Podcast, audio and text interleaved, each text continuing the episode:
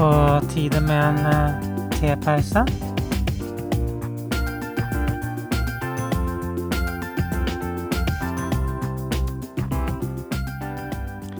Hei og velkommen til denne korte tepausen. Jeg har i hvert fall satt på tevannet, og mens eh, teen eh, trekker, så tenkte jeg å snakke litt om pessimisme og optimisme. For hva er det å være pessimist eller optimist?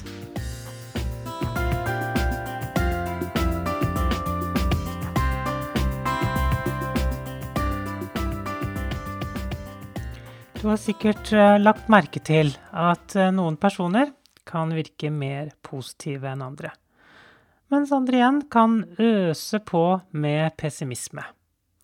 Hvorfor er det slik? Hva er det som gjør at eh, noen er mer pessimistiske enn andre? Vi har så lett for å stille oss disse hvorfor-spørsmålene. Istedenfor å grave oss ned i dette hvorfor-spørsmålet, la oss heller stille spørsmålet hva gir det deg? Hva gir det deg å møte livets utfordringer med en pessimistisk grunnholdning? Og hva gir det deg å møte livet med en optimistisk grunnholdning? Hva vil du? Noen eh, smarte sjeler vil kanskje vri litt på dette og si at jeg er ikke pessimist, jeg er realist. Og det er nok riktig, dersom du til vanlig er en optimist.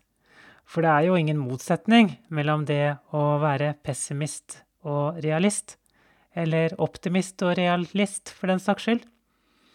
Å være realist handler vel om å se ting for det de er. Å være pessimist, eller optimist, er derimot hvordan du velger å forholde deg til det.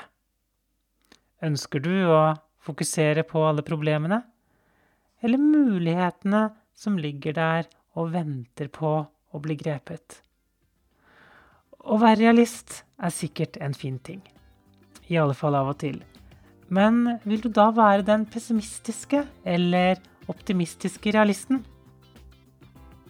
Da tror jeg tevannet er klart. Nytt